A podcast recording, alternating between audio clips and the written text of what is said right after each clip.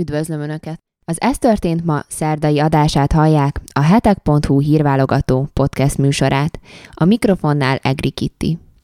Még mielőtt azonban sorra vennénk a legfrissebb híreket, hogyha esetleg még nem tették volna meg, akkor szeretném megkérni Önöket, hogy iratkozzanak fel a heteknek a YouTube csatornájára. Most pedig következzenek a legfontosabb szerdai híreink röviden.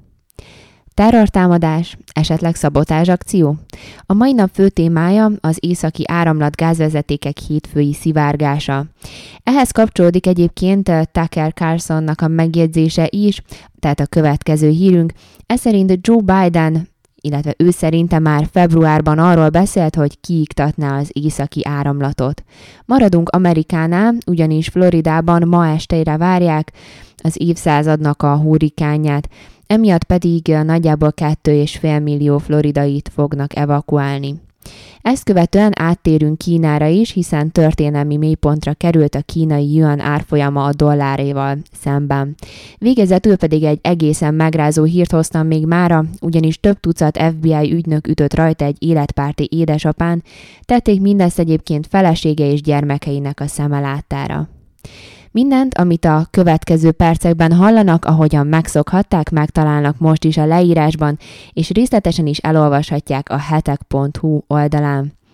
Emellett egyébként szeretném még a figyelmükbe ajánlani a heteknek az eheti lapszámát is, ebben számos érdekes cikket találhatnak, megtalálnak, ugyebár most ezen a héten a békével foglalkozunk, ugyanis mindenki szeretné, hogyha végre Ukrajna és Oroszország békét kötne. Most pedig következzen a hetek.hu szerdai hírválogatása. Terrortámadás, netán szabotázs akció. Hétfő óta fennáll a kérdés, hogy vajon mi is történhetett az északi áramlat 1, illetve 2 gázvezetékekkel. Kiev álláspontja szerint ezen ugyebár nem lepődünk meg, mindez egy Oroszország által kitervelt terrortámadás lehet, egyben pedig az Európai Unió elleni agresszió is. De a Kreml is aggodalmát fejezte ki, és azonnali kivizsgálást követel az ügy kapcsán, Eközben egyébként egyesek még az Egyesült Államokra is mutogatnak az incidens kapcsán. Az viszont szinte mindenki számára biztos, illetve szinte mindenki biztosra veszi azt, hogy egy célzott szabotás lehet a nyomás csökkenésnek az oka.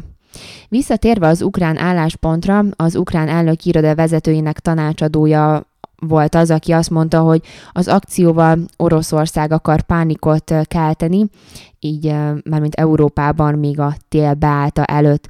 A tanácsadó szerint mindenre a legjobb válasz pedig az lenne az EU részéről, hogyha még több harckocsit adna Ukrajnának, beleértve ebbe a német gyártmányúakat is, tehát ők azt preferálnák a leginkább.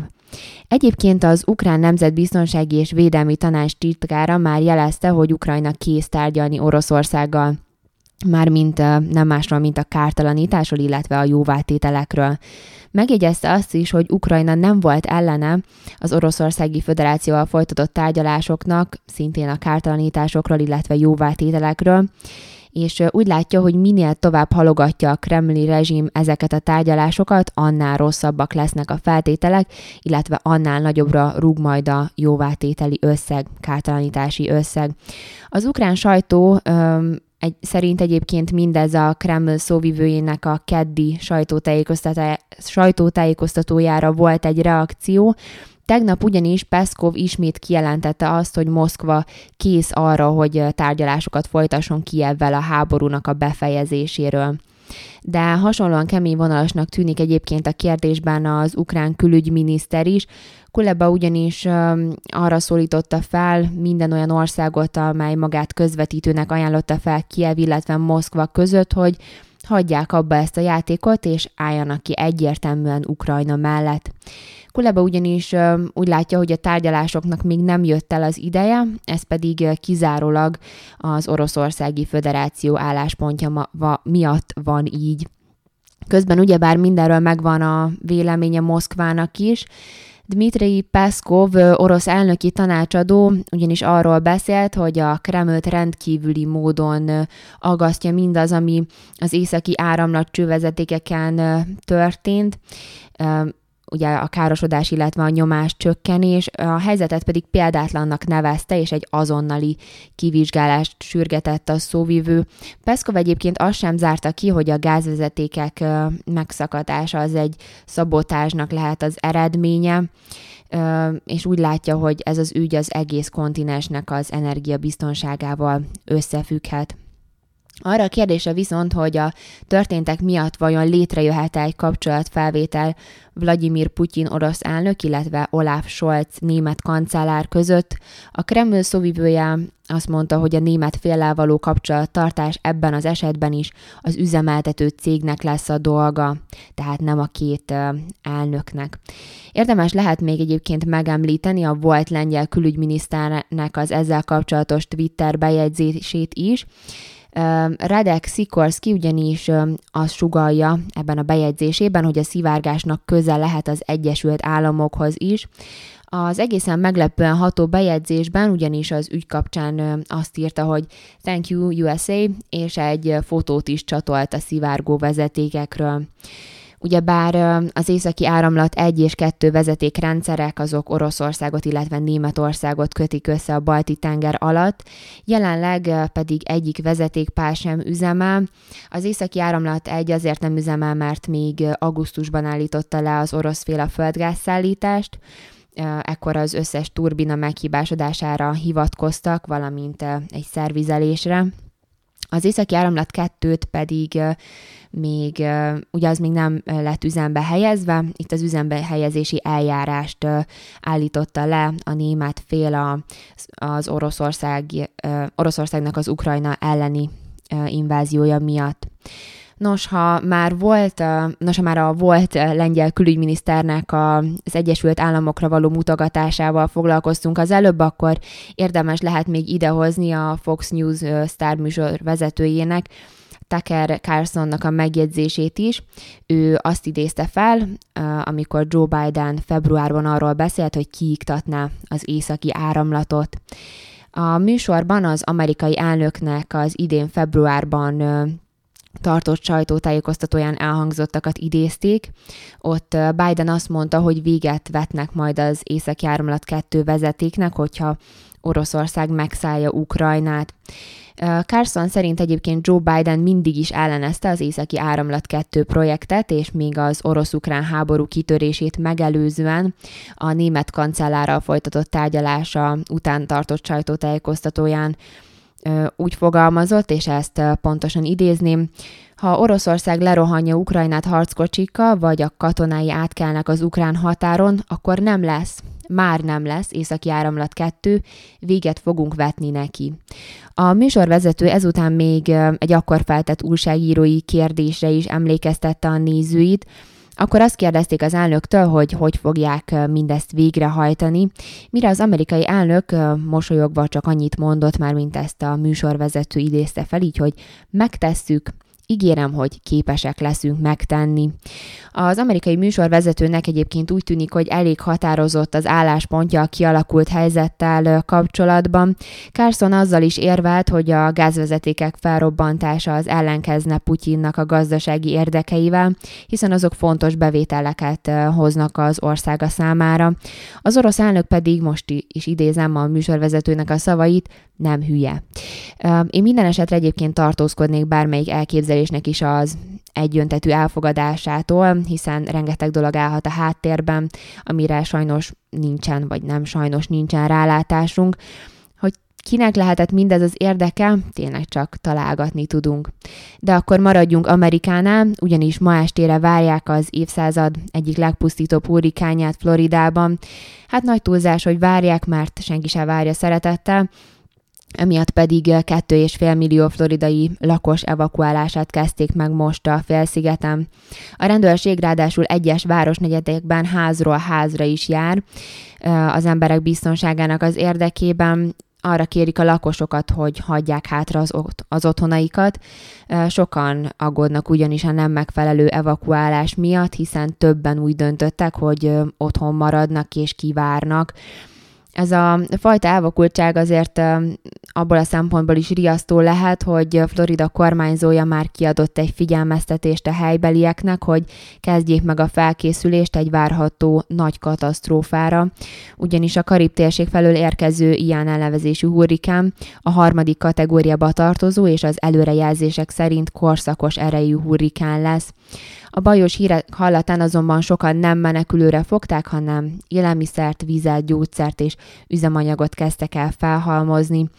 Ma este tehát várhatóan megérkezik a hurrikán. Én arra biztatok mindenkit, hogy imádkozzunk annak érdekében, hogy ez minél kevesebb áldozatot szedjen. Most viszont térjünk is át Kínára, hiszen történelmi mélypontra került a kínai yuannak az árfolyama az egyre erősödő amerikai dollárral szemben. Egyébként még a 2008-as pénzügyi válságot követően a 2011-es negatív árfolyamrekord alkalmával sem zuhant így be a kínai fizetőeszköz. Mindeközben egyébként az amerikai dollár árfolyama egyre tovább emelkedik, a jelentősebb valutákkal szemben.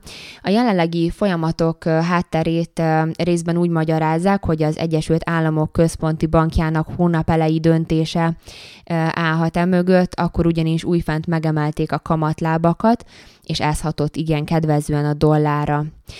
Érdekesség még, hogy tegnap egyébként Ázsia szerte jelentős volt a visszaesés a főbb tőzsdeindexeknél.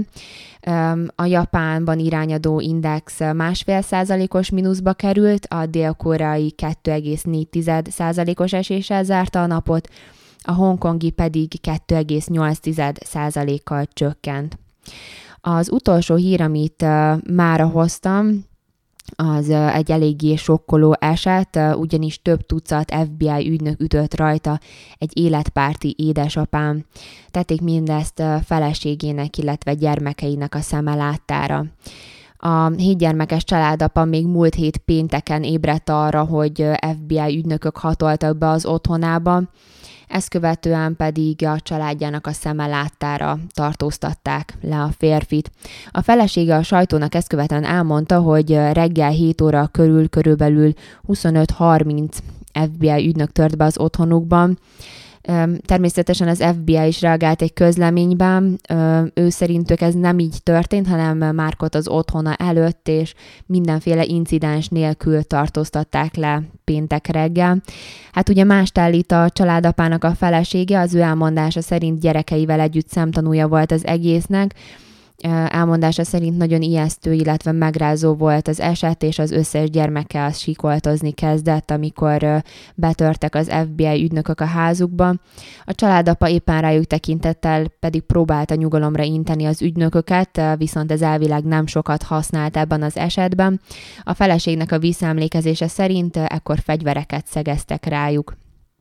A Szövetségi Bíróság dokumentumai eh, egyébként kitérnek arra, hogy eh, milyen eh, váddal tartóztatták le Márkot. Ez szerint 2021-nek az októberében két alkalommal is Márk bántalmazott egy 72 éves önkéntest, tehát ez az ellene felhozott vád. A Planet Parenthood-nak az Elizabeth Blackwell Health Center nevű abortusz klinikáján tette ezt elvileg a családapa Filadelfiában. Hát a történt a kapcsán a felesége elmondta, hogy a, mindez úgy történhetett, hogy férje néha magával vitte legidősebb fiúkat az ilyen tüntetésekre, életpárti tüntetésekre, amikre eljárt, és egy ilyen alkalommal az egyik abortuszpárti tüntető többször durva, oda nem illő és undorító dolgokat mondott a 12 éves gyermeküknek, már erre többször felszólította a férfit, hogy hagyja abba a fiának a verbális zaklatását, de ez a férfi nem állt le, és egy ilyen alkalommal a fiának még a privát szférájába is belépett, ezért az apuka ellökte onnan őt, és a férfi az visszaesett, de az édesanyja elmondása szerint semmilyen sérülés nem történt, viszont a férfi ezután beperelte a férjét, Ugye hát ezt követően nyomozás is indult Márk ellen, majd vádat is emeltek ellene a klinikába való belépés szabadságáról szóló törvényi rendelkezéseknek a megsértése miatt. Viszont érdemes még megemlíteni, hogy a hatóságok még a pénteki letartóztatásnak a napján szabadon engedték az édesapát, viszont fennáll a lehetősége annak, hogy a későbbiek folyamán elítélik majd, ennek folyamán pedig akár 11 év börtönbüntetést is kaphat, valamint 350 ezer dollár pénzbírsággal is lehet, hogy szembe kell néznie. Hát ahogy megszokhatták, most ugyanígy a hírek között nem mondtam, de minden egyes hírt részletesen is el tudnak olvasni a hetek.hu-nak a, az oldalán, a linkeket, azokat most is betettem a leírásba, úgyhogy én már szeretném megköszönni a figyelmüket, hiszen ez volt a hetek.hu-nak a szerdai hírválogatása. Hogyha esetleg még nem tették volna meg, akkor végezetül még szeretném kérni azt is, hogy iratkozzanak fel a heteknek a YouTube csatornára, YouTube csatornájára, és hogyha esetleg módjuk van arra, akkor akár csak egy kisebb összeggel is támogassák a heteknek a munkáját. Ezt elég egyszerűen megtehetik a hetek.hu per támogatás, valójában ékezetek nélkül támogatás oldalon. Itt ki tudják választani az önöknek megfelelő támogatási módot, illetve az összeget is, ezzel pedig hozzájárulhatnak a heteknek a munkájához. Én még egyszer megköszönöm a figyelmet mára, és további kellemes és szép napot kívánok mindenkinek. Üdvözlöm Önöket!